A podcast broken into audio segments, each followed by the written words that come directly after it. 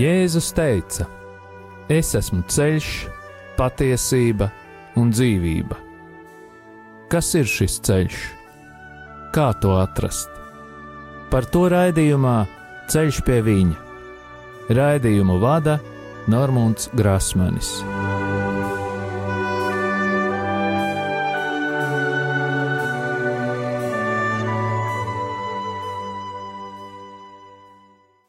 Kristus ir augšām cēlies, patiesi, patiesi augšām cēlies. Ir pienācis piekdienas vakars, un ēterā izskan raidījums Ceļš pie viņa. Pie radio pults esmu es, Normons Grasmanis. Vēlos atgādināt, ka raidījuma e-pasta adrese ir ceļš pie viņa at gmail.com. Esmu pateicīgs visiem tiem klausītājiem, kuri atceras mani un pārējos radio Mariju darbiniekus, brīvprātīgos un arī ziedotājus savās lūkšanās. Vēlos pateikties katram klausītājam, kurš ar savām lūkšanām vai finansiālo ziedojumu atbalsta radio arī skanējumu ēterā. Lai Dievs bagātīgi svētī katru atbalstītāju un arī visus mūsu kopumā. Un tagad Kā jau ierasts, lūgsim aizsardzības lūgšanu katram klausītājam, jūsu ģimenes locekļiem, man un manai ģimenei. Jēzus Kristus vārdā es, mēs pārņemam autoritāti pār savu ģimeni un sasaistām visus ļaunos spēkus un varas gaisā, telpā, zemē, ūdenī, pazemē dabā un ugunī. Dievs, tu esi kungs pāri visam visumam, un mēs atdodam tev slavu un godu par tavu radību. Tavā vārdā, Kungs, Jēzu Kristu, mēs sasaistām visus demoniskos spēkus, kas ir nākuši pār mums un mūsu ģimenēm, un ieslēdzam mūs visus tavu dārgo asiņu aizsardzībā kas mūsu dēļ tika izlietas pie krusta. Marija, mūsu māte, mēs lūdzam tavu aizsardzību un aizbildniecību pār mums un mūsu ģimenēm ar svēto Jēzus sirdi. Ietin mūs savas mīlestības apmetnī un sakauj mūsu ienaidnieku. Svētais erceņģeli Mihēl un visi mūsu sargeņģeļi Nāciet aizsargāt mūs un mūsu ģimenes šajā cīņā pret visu ļauno, kas ir šajā pasaulē.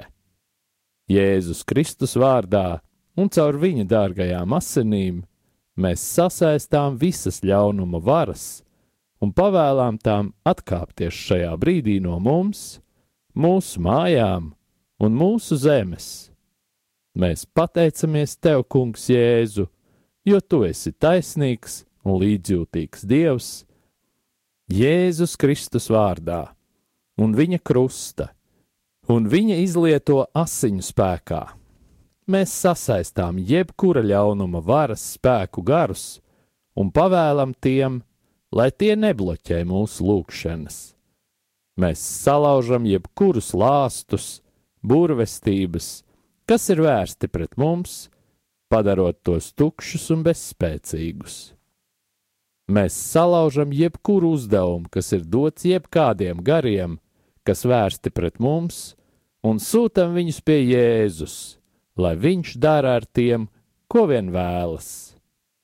Kungs, mēs lūdzam, lai tu svētī mūsu ienaidniekus, sūtot savu svēto garu pār tiem, lai vadītu viņus uz grēku nožēlu un atgriešanos.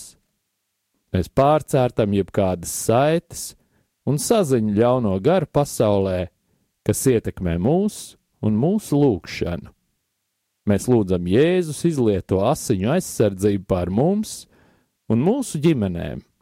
Paldies, Tev, Kungs, par Tavu aizsardzību, un sūti pār mums savus eņģeļus, jo īpaši svēto erceņģeli Mihēlu, lai viņš mums palīdz šajā cīņā. Mēs lūdzam Tevi, vadi mūs mūsu lūgšanās, un izlaies pār mums ar savu svēto garu, tā spēku un žēlsirdību. Āmen! Šodien runāsim par dziedniecības sistēmu aromaterapija. Tā ir pazīstama kā slimību ārstēšana, izmantojot augsti koncentrētus augu eļļu ekstraktus. Šie spēcīgi smaržojošie ekstrakti, saukti arī par esencēm vai esenču eļļām, satur vielas, kas augiem piešķir to smaržu. Aromaterapeiti uzskata, ka daudziem no šiem ekstraktiem piemīt arī medicīniskas īpašības.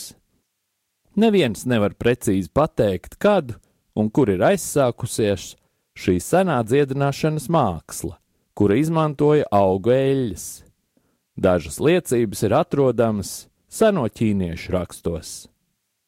Arī senie persieši augstu vērtēja no rozēm un apelsīnu ziediem destilētās ziedu esences, kuras tika izmantotas kā kosmētika, arī ārstēšanas zāļu gatavošanā. 11. gadsimtā persiešu filozofs un ārsts Avicena pilnveidoja destilēšanas procesu, un tā varēja izgatavot vēl tīrākus ekstraktus.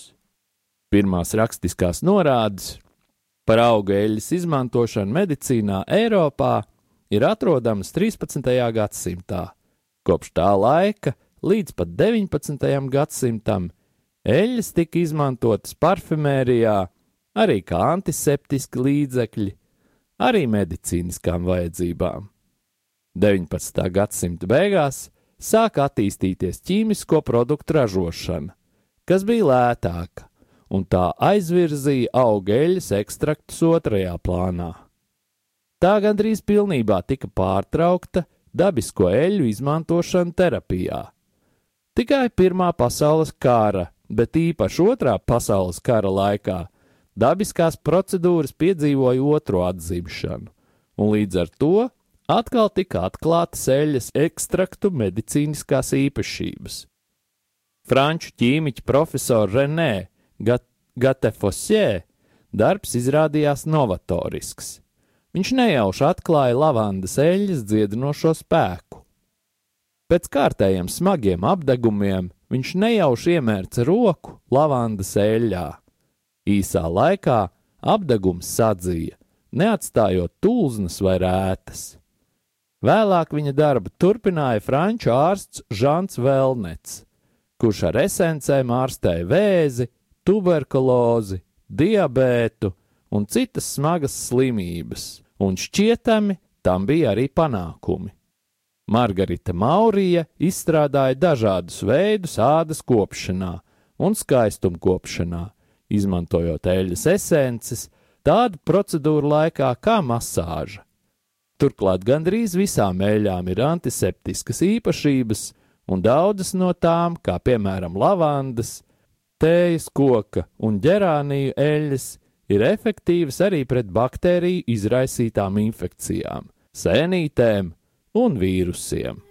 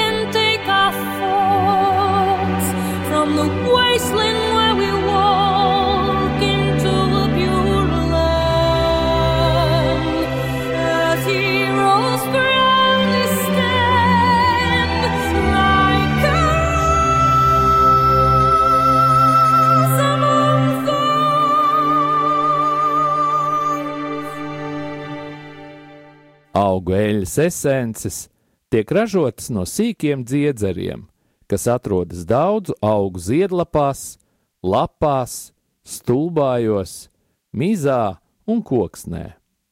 Dabā šie dziedzeri savu smaržu izplata lēnām, taču, ja tos uzsilda vai uzspiež uz tiem, šie eļļas dziedzeri pārplīst.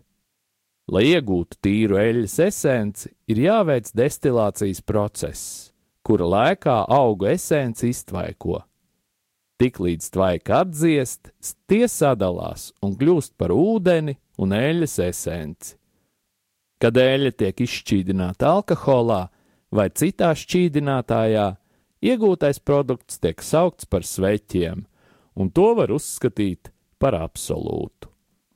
Lai gan šis produkts ir vājāk koncentrēts nekā eļļas esence, daudzi sveķi vai absolūti satur iedarbīgas terapeitiskās īpašības. Izmanto šo produktu mutes, rīkles un krūšu zonas dezinficēšanai, caur ieelpošanu. Turklāt tai piemīt noteikta nomierinoša iedarbība. Kad eļļa tiek uzklāta uz ādas un iemasēta, šādai darbībai piemīt ārstējošas īpašības, īpaši pie bakteriālām ādas infekcijām. Piedāvām eļļa iekļūst arī asins cirkulācijas sistēmā. Pozitīvi ietekmētas vai pat pilnīgi izārstētas var tikt tādas sāpīgas slimības kā artrīts. Eļļu izmantošana kompresēs nav iespējama, jo tā vairāk ir pielīdzināma masāžai. Šādu neatšķaidītu eļļu iekšķīgi nekādā gadījumā nedrīkstētu lietot. Izņēmums varētu būt tēja ar īpašu eļļu, kur var lietot pēc ārsta ieteikuma, iepilinot divus līdz trīs pilienus krūzē ar melno tēju. Tas var palīdzēt gremošanas problēmu gadījumos, vai pie urinēšanas traucējumiem. Šo eļļu ražošanā tiek izmantoti simtiem augu, tomēr tikai aptuveni 30 no tiem ietilpst tradicionālās medicīnas sarakstā. Tātad šīs 30 atzītās eļļas iedalās eļļas ar stiprinošām īpašībām, eļļas ar nomierinošām īpašībām un eļļas, kas regulē ķermeņa funkcijas. Mēdīķi uzskata, ka pašrocīgi izmantojot aromaterapiju, būtu jāievēro sekojoši noteikumi. Eļļu nedrīkstētu dzert. Var iepilināt vienu līdz trīs pilienus eļļas melnajā tējā un arī labāk pēc ārsta norādījuma. Eļļu nedrīkstētu smērēt uz ādus neatšķaidītu, izņemot gadījumos, kad ir iekodis kāds insekts, tad būtu labi vienu vai divus eļļas pilienus uzsmērēt tieši uz ādas. Atšķaidītu eļļu var izmantot masāžai, taču ieelpošanai derētu tikai tīra eļļa. Pat nemēģiniet vienu un to pašu eļļas maisījumu izmantot visu slimību ārstēšanai. Nemēģiniet paši sajaukt dažādas eļļas, jo aromaterapeitiem ir pieredze, kāda eļļu maisījuma jālieto, lai panāktu efektu. Ieteicams pirkt tikai tīru eļļu vai šķīdumus. Ārsti un medmāsas arvien vairāk apzinās pieaugušo aromaterapijas labumu un tādēļ piedāvā šo metodi kā papildus ārstēšanos, protams, ievērojot iepriekš minētās vadlīnijas. Taču kaut arī zinātne ir pierādījusi daudz augu medicīniskās īpašības, ir jāpaiet laikam, lai mēs skaidri izzinātu precīzas ārstnieciskās īpašības vai ķīmiskās vielas, kas atrodamas katrā no šīm eļļām. Vispārīgi var teikt, ka pētījumi ir pierādījuši to, ka eļļas iedarbojas uz degunu šūnām vai spēju sajust smaržu, kuras rezultāts ir signāls, kas tiek nodots tālāk uz smadzenēm. Tāpat ir zināms, ka eļļa iesūta sādā un tādējādi ķīmiskās vielas, ko satura eļļas, nonāk asinsvados. Mūsu medicīniskās un farmaceitiskās zināšanas balstās uz cilvēku pieredzes, kas strādā ar augu un dzīvnieku vielām. Gadsimtu laikā zinātne pamazām ir atbrīvojusies no mitoloģiskās un misticismu ietekmes uz dabas doto vielu izmantošanu ārstniecībā. Visbeidzot, Cilvēks iemācījās izgatavot ķīmiskās vielas, kuru sastāvs bija tāds pats vai ar līdzīgām īpašībām, izmantojams medicīnā. Mākslīgi radītām ķīmiskām vielām bieži vien ir tiešāka iedarbība, jo to zinātniski ir vieglāk kontrolēt. Tas ir iemesls milzīgajai modernās farmācijas izplatībai, lai gan reizēm modernajām ārstniecības formām ir arī nevēlami blakus efekti, kas tik izteikti nav sastopami lietojot dabīgos medikamentus. Aromātiskās eļļas ir pieskaitāms pie kategorijas, kurai ir retāki blakus efekti. Lai gan šo eļļu iedarbība dažādu slimību gadījumos ir pilnībā pierādīta, ārstēšanās process ilgst daudz ilgāk, un tādēļ tās izmantošana tiek ieteikta tādos gadījumos, kad slimība nav dzīvībai bīstama. Nedaudz par to, kāda tad varētu būt bīstamība. Aromaterapijas, kā atsevišķas disciplīnas pētīšana, ir sarežģīta. Lielākajā daļā gadījumu aromaterapijas studiju saturs tiek apgūts apvienot ar alternatīvās medicīnas kursiem. Ne visu, ko māca alternatīvā medicīna, mēs varam uzskatīt par labu. Piemēram, šie acu, akupunktūra un refleksozonu terapija, kurām ir atšķirīgi filozofija uzskati no mūsu kristīgās domāšanas. Tā kā jebkurā alternatīvās medicīnas formā, diagnozes noteikšanai tiek izmantota holistiskā metode, daudzi ārsti tajās iesaista arī astroloģijas un mediju vai mediālās zināšanas, arī astrologus un medijus vai mediālās zināšanas. Kopumā mēs varētu daudz noderīgi iegūt no alternatīvās ārstniecības metodēm, ja varētu no tām izņemt to, kas nav zinātnē atbilstošs, kā piemēram reliģiskos un filozofiskos elementus. Šie elementi bieži nepatiesi piedāvā kādu ārstniecības veidu, kā universālu līdzekli, kā ārstniecības līdzekli pret visām slimībām. Tas var būt bīstami, jo cilvēki var kļūt atkarīgi no šī viena īpašā ārstniecības līdzekļa, kas palīdz visās grūtībās. Tādējādi viņi bieži vien nepamana brīdinājumu zīmes, ka stāvoklis kļūst ar vien sliktāks. Šādos gadījumos tradicionālā medicīna varētu palīdzēt uzlabot veselības stāvokli, ja vien tiek laicīgi izmantota.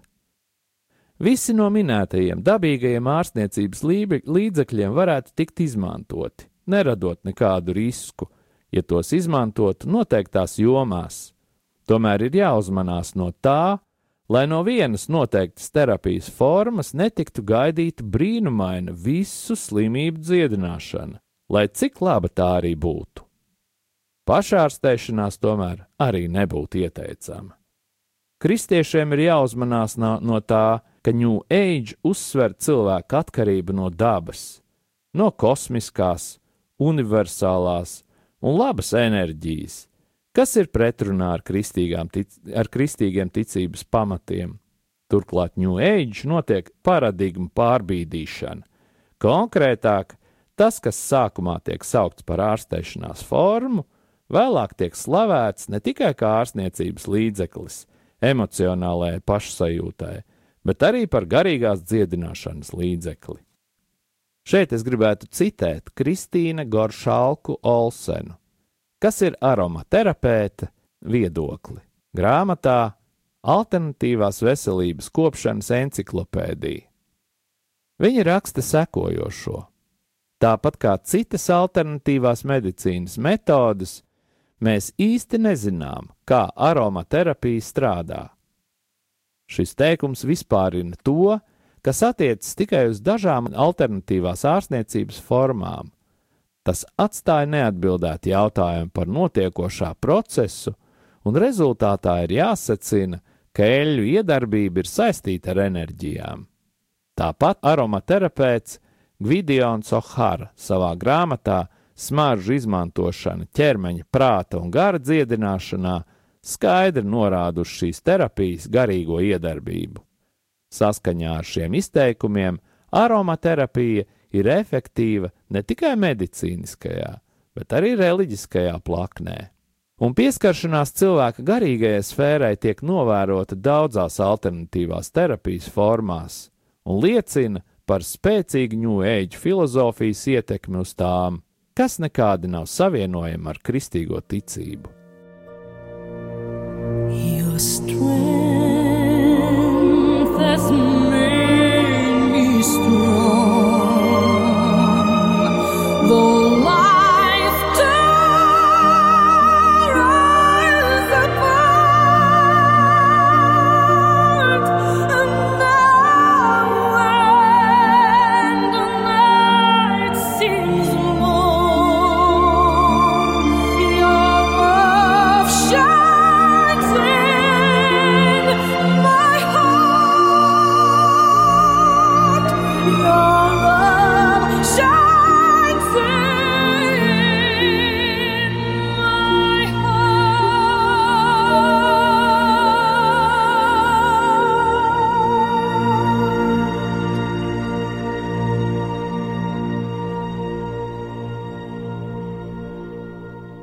tagad prom no maldiem.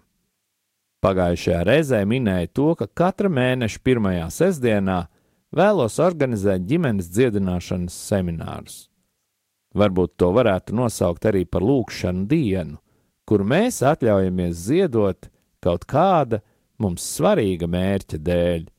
Un šeit es domāju, vērtīgāko, ko mēs varam ziedot, kas mums šajā dzīvē ir, tas ir laiku.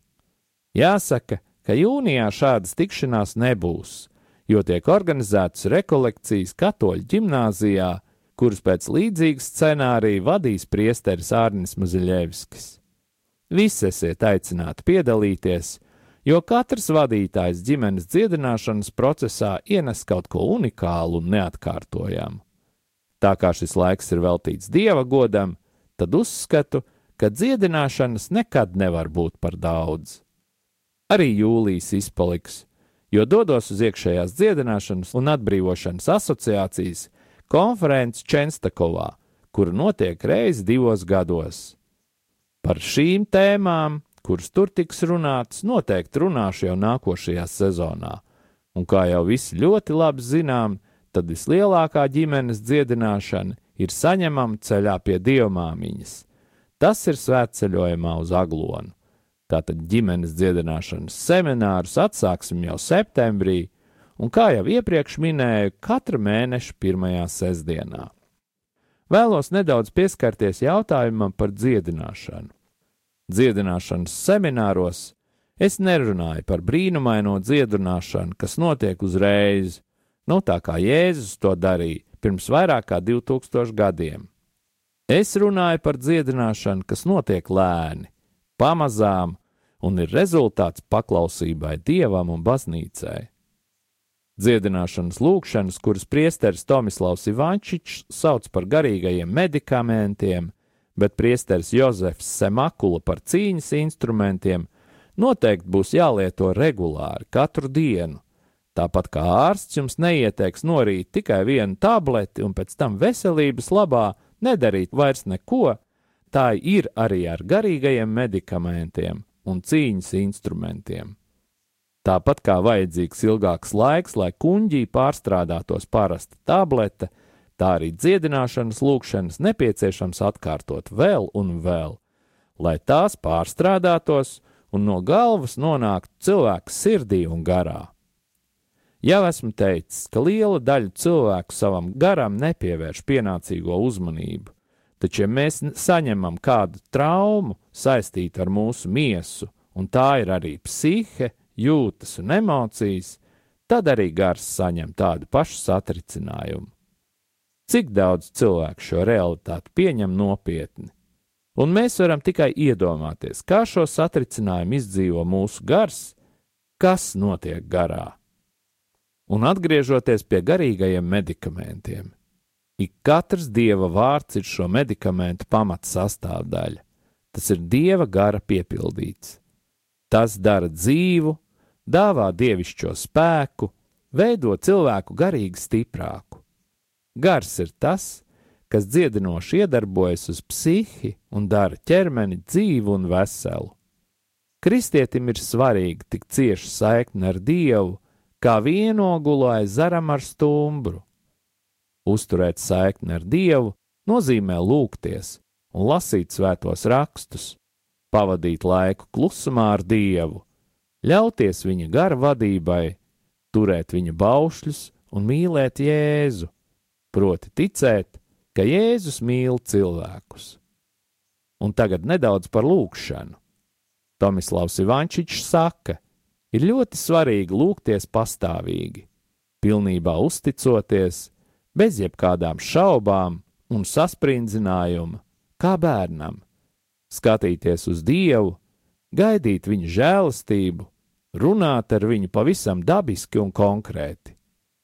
Pasaka viņam, kā tu jūties, arī tad, ja esi sliktā omā, un tad pārēj pie pateicības. Ir labāk viņu kaut dažas sekundes garā uzlūkot, nekā pateikt simtiem vārdu, uz viņu neskatoties. Lūkšanā par citiem, arī uzliekot rokas, jāatceras, ka nedrīkst lūgties savā spēkā, tas jādara gandrīz kā rotaļājoties. Būt kā caurulē, caur kuru dieva spēks var netraucēt plūst. Skatīties uz Jēzu, nevis uz problēmu. Nekad nesaki, es mēģināšu par to lūgt kādas divas, trīs reizes. Jālūdz tik ilgi, kamēr lūkšana tiek uzklausīta. Tas, kādā veidā tava lūkšana tiks uzklausīta, gan nav atkarīgs no tevis. Atdod to visu Jēzum. Tas ir Dieva vārds, kas dziedina. Atšķirīgām slimībām lietojam atšķirīgi medikamenti, taču tie visi pamatojas Dieva vārdā. Un tagad mēs iestājamies lūgšanā, Kungs Jēzu Kristu, dzīvā Dieva dēls. Mēs pateicamies Tev par Tavu brīnišķīgo dziedināšanas un atbrīvošanas kalpošanu. Pateicamies par Tevis veikto dziedināšanu un arī par tām, kuras Tu turpināsi mūsu lūgšanu rezultātā. Mēs saprotam, ka mūsu cilvēciskā daba nespēja panest mūsu slimības un ļaunumu.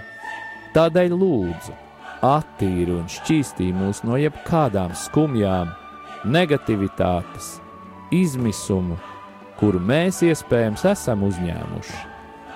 Ja mums ir bijis kārdinājums padoties dusmām, neiecietībai vai iekārai, attīri mūs no šiem kārdinājumiem un aizstāj tos ar mīlestību, prieku un mieru.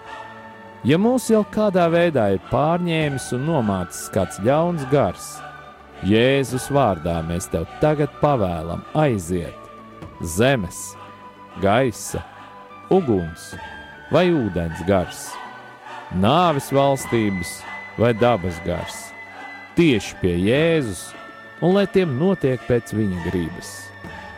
Nāc, svētais gars, atjauno mūs, piepildi mūs atkal ar savu spēku, savu dzīvību un savu prieku.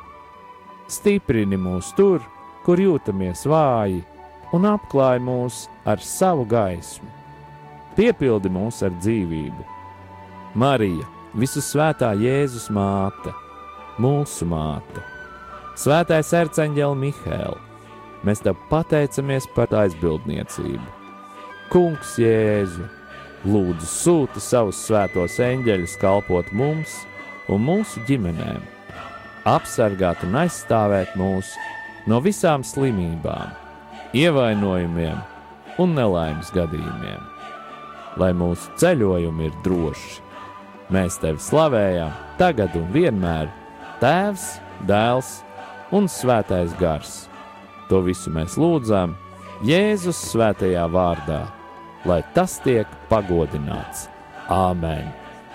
Un tagad saņemiet pāvesta Franciska svētību.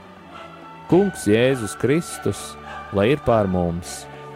Lai mūs svētītu, lai ir pie mums, lai mūs pavadītu, un lai ir ar jums un mums, lai mūs aizsargātu, lai mūs svētītu Dievs Tēvs un Dēls un Svētais Gars, lai asinis un ūdens, kas izplūda no Jēzus Kristus sirds, izplūst pār mums, un lai šķīstī, atbrīvo un dziedina. Saņemiet svēto garu, Dieva Tēva, un dēla un svētā gara vārdā Āmen!